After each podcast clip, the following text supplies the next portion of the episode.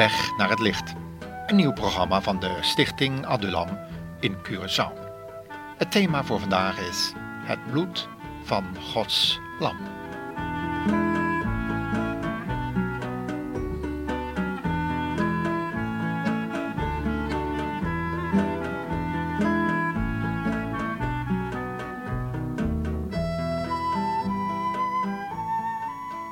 We hebben allemaal beschermengelen om ons heen.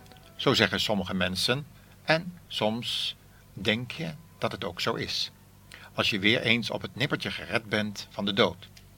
En inderdaad, de Bijbel schrijft ook over beschermengelen. Maar volgens Hebreeën 1 vers 14 zijn dat engelen die tot dienst zijn uitgezonden voor degene die het heil beërven. Hebt u dus gelet voor wie deze beschermengelen bestemd zijn? Inderdaad dus, ten dienste van hen die de zaligheid beërven zullen, zo lazen wij. En mag ik u nu aan het begin van dit programma al vragen of u deze zaligheid zelf wel zeker beërven zult?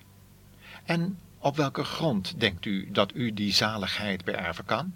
Op gedrag van goede werken, zoals we dat in ons vorige programma behandelden? Of op grond van het goede werk dat Christus voor u deed op het kruis van Golgotha? Een vraag om ernstig over na te denken. Wilt u zich tenminste niet voor eeuwig vergissen in uw lot na dit leven op aarde? Want dat er leven is na dit leven, dat is duidelijk als u de Bijbel leest.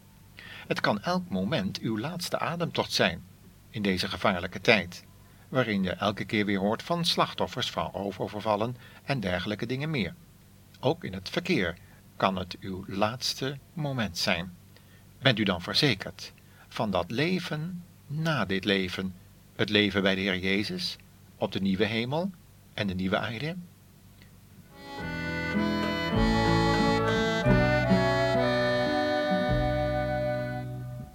Het gebeurde midden op de dag, zomaar op een snelweg. Er botste een auto tegen de achterbumper. Je stopt dan natuurlijk en stapt uit om te kijken hoe groot de schade kan zijn. En dan kijk je zomaar in de loop van drie revolvers. Het zal je maar gebeuren. We konden het niet zo lang geleden in de krant lezen. En ook al van die roofoverval op een schoonmaakbedrijf. Waar toevallig ook een van onze medewerksters tegen haar wil in betrokken was. En eveneens bijna het slachtoffer was van een pistooldragende rover. Als zijn collega in het kwaad zijn hand niet weggeslagen had, was het schot beslist afgegaan. Want als je roofovervallers in de weg staat, ontzien ze niets of niemand. Angst, neemt dan de plaats in van het normale denkend vermogen. Ja, en dan komt er een andere engel. In de Bijbel wordt dat de engel van het verderf genoemd, en die krijgt dan de gelegenheid om zijn verderfelijk werk te doen. En over deze engel willen we in dit programma ook iets vertellen, en hoe je aan zijn verderfelijke activiteiten kunt ontkomen. We lezen daarom iets voor uit Exodus 12, vers 21 tot 23 waar de Heere God Mozes het volgende geboden had om aan het volk door te geven. Haal voor elk gezin één lam uit het kudde en slacht dat. Vang het bloed van het lam op in een schaal, doop daar een, bosje hyssop in en strijk daarmee het bloed aan de posten van jullie huisdeuren. Daarna mag niemand het huis verlaten tot de morgen aanbreekt. De Heere gaat vannacht immers door Egypte om haar bewoners te straffen. Als hij echter het bloed aan de deurposten ziet, zal hij dat huis voorbijgaan en de verderver niet toestaan naar binnen te gaan om de eerstgeborenen te doden. Vergeet het niet, dit zijn voorschriften die blijvend van kracht zijn voor u en uw kinderen. Het gospelteam Overstag zal nu zingen over de mogelijkheid om behouden te worden door het bloed van het lam. Beter gezegd nog, door de liefde van de Heer Jezus toen hij stierf aan het kruis en hij je bij je naam noemde om je te behouden van de verderfengel.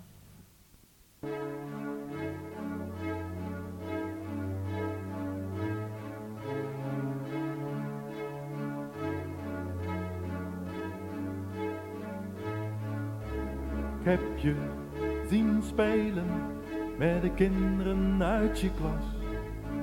Zien stoeien en vechten om wie de sterkste was. Leerde denken, leerde kiezen tussen goed en fout. En je hoorde van de herder die van alle kinderen houdt. En ik heb je zien dwalen door de straten van de stad. Zien stoppen en naar binnen gaan, waar je mij niet kon vinden. En je koude, lege ogen boven je koude, lege glas vertelden dat mijn naam nog slechts een herinnering was. Alles wat je kon verliezen, had je al zo vroeg verloren.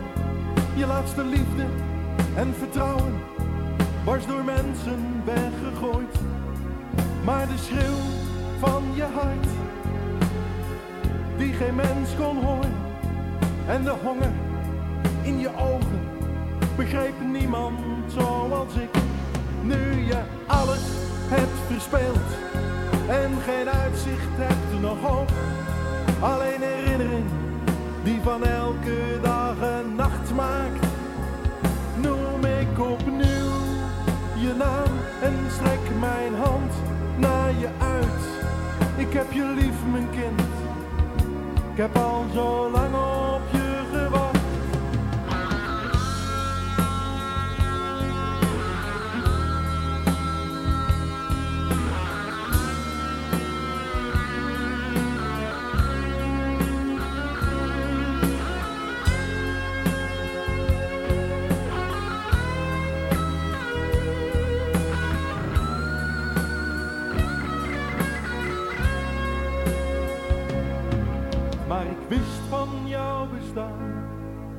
je ouders je nog kenden, voordat je kon bewegen, kon praten, kon denken. En ik kende je gedachten, je gevoelens en je leven. En ik noemde je naam toen ik stierf aan het kruis. En ik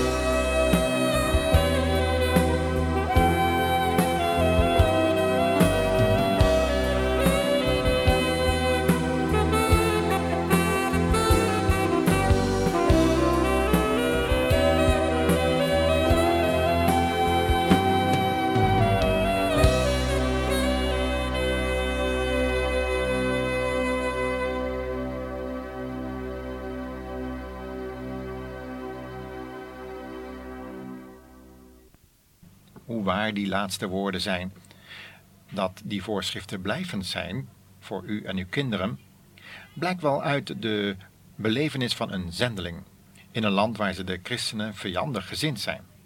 Een bende godsdienstige fanatici had besloten om regelmatig het huis van een christengezin binnen te dringen om enkele mensen van dat gezin te doden, om zo de christenen te intimideren, zodat ze uit de stad zouden vertrekken. Als teken dat ze een bepaald huis gehad hadden, smeerden ze het bloed van hun slachtoffer op de deur, in de vorm van een kruisteken. Bij een volgende gelegenheid zouden ze dat huis dan ontzien om zich bezig te houden met een volgend gezin dat op de lijst stond. De zendeling had deze handelwijze opgemerkt en slachtte een dier, waarna hij het bloed opving en op de deur in de vorm van een kruisteken schilderde. En inderdaad, de fanatici gingen bij hun volgende kruistocht dat huis voorbij en lieten het zendingsgezin met rust.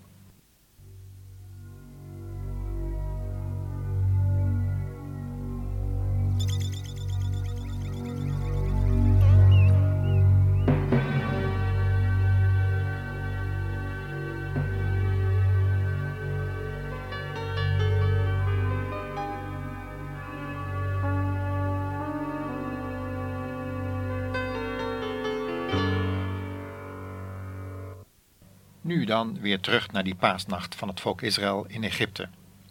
Wanneer we het verhaal goed lezen, merken we nog een heel belangrijk detail op. Namelijk dat het niet genoeg was om dat bloed van het lam op de deurposten te smeren, maar dat er ook geen zuurdeeg in het huis mocht aangetroffen worden. Zuurdeeg is in de Bijbel altijd een, een beeld van iets wat opblaast, eigenlijk een beeld van hoogmoed en zelfbehagen. Soms is dat een houding van trots op wat men aan kennis heeft, en of dat nu vrome kennis is of maatschappelijke kennis, wijsheid van de wereld of vermeende theologische wijsheid, dat doet er allemaal niet toe. Het bezitten van wijsheid is namelijk één ding, maar je erop beroemen laat zien hoe trots je erop bent. En dat is een kenmerk van zuurdeeg.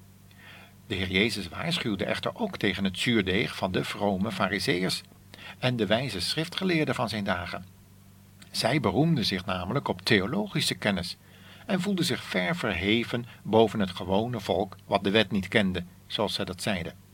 Zij trachten Jezus steeds weer in zijn woorden te vangen en stelden hem daarom allerlei strikvragen, in de hoop dat hij zich zou vastpraten en zij hem als valse profeet konden ontmaskeren en veroordelen. Dan zou men niet meer bevreesd hoeven te zijn voor zijn scherpe tong en zijn oordeel over huichelarij en vooroordeel. Maar Jezus faalde nooit in het gebruik van Gods woord. Hij was immers zelf het vlees geworden woord van God. Hoe zou hij, de enige geboren zoon van God, kunnen falen? In de huizen van de Israëlieten, maar ook die van ons christenen, mag dus niet het zuurdeeg van huigelachtige en dubbelhartige politiek gevonden worden. Weer een andere vorm van zuurdeeg. Jezus noemde dat het zuurdeeg van Herodes, de machthebber van die dagen, die gebruik maakte van een gemengd huwelijk met een Joodse vrouw om de vroomheid en de godsdienst van het Joodse volk te kunnen gebruiken voor zijn politieke doeleinden. Iets wat ook tegenwoordig nog wel eens gedaan wordt. En dan waarschuwde Jezus ook nog tenslotte voor het zuurdeeg van slechtheid en boosheid, zoals de geest van Christus het door Paulus' brieven duidelijk maakte. Het staat in 1 Korinthe 5, vers 6 tot 8, waar we het volgende daarover lezen. Het is niet goed dat u zo vermaand bent. Hoe kunt u zoiets slechts door de vingers zien? Zo gaat het immers van kwaad tot erger. Weet u dan niet dat door een klein beetje zuurdeeg of gist het hele deeg gaat gisten? Gooi eerst die oude deeg weg, anders bent u geen nieuw, ongezuurd deeg. Er hoort bij u geen gist te zijn, omdat Christus, ons paaslam, geofferd is. Laten wij dat dan ook blijven vieren, niet met oud gist van kwaadheid en schande, maar met het ongezuurde brood van zuiverheid en waarheid.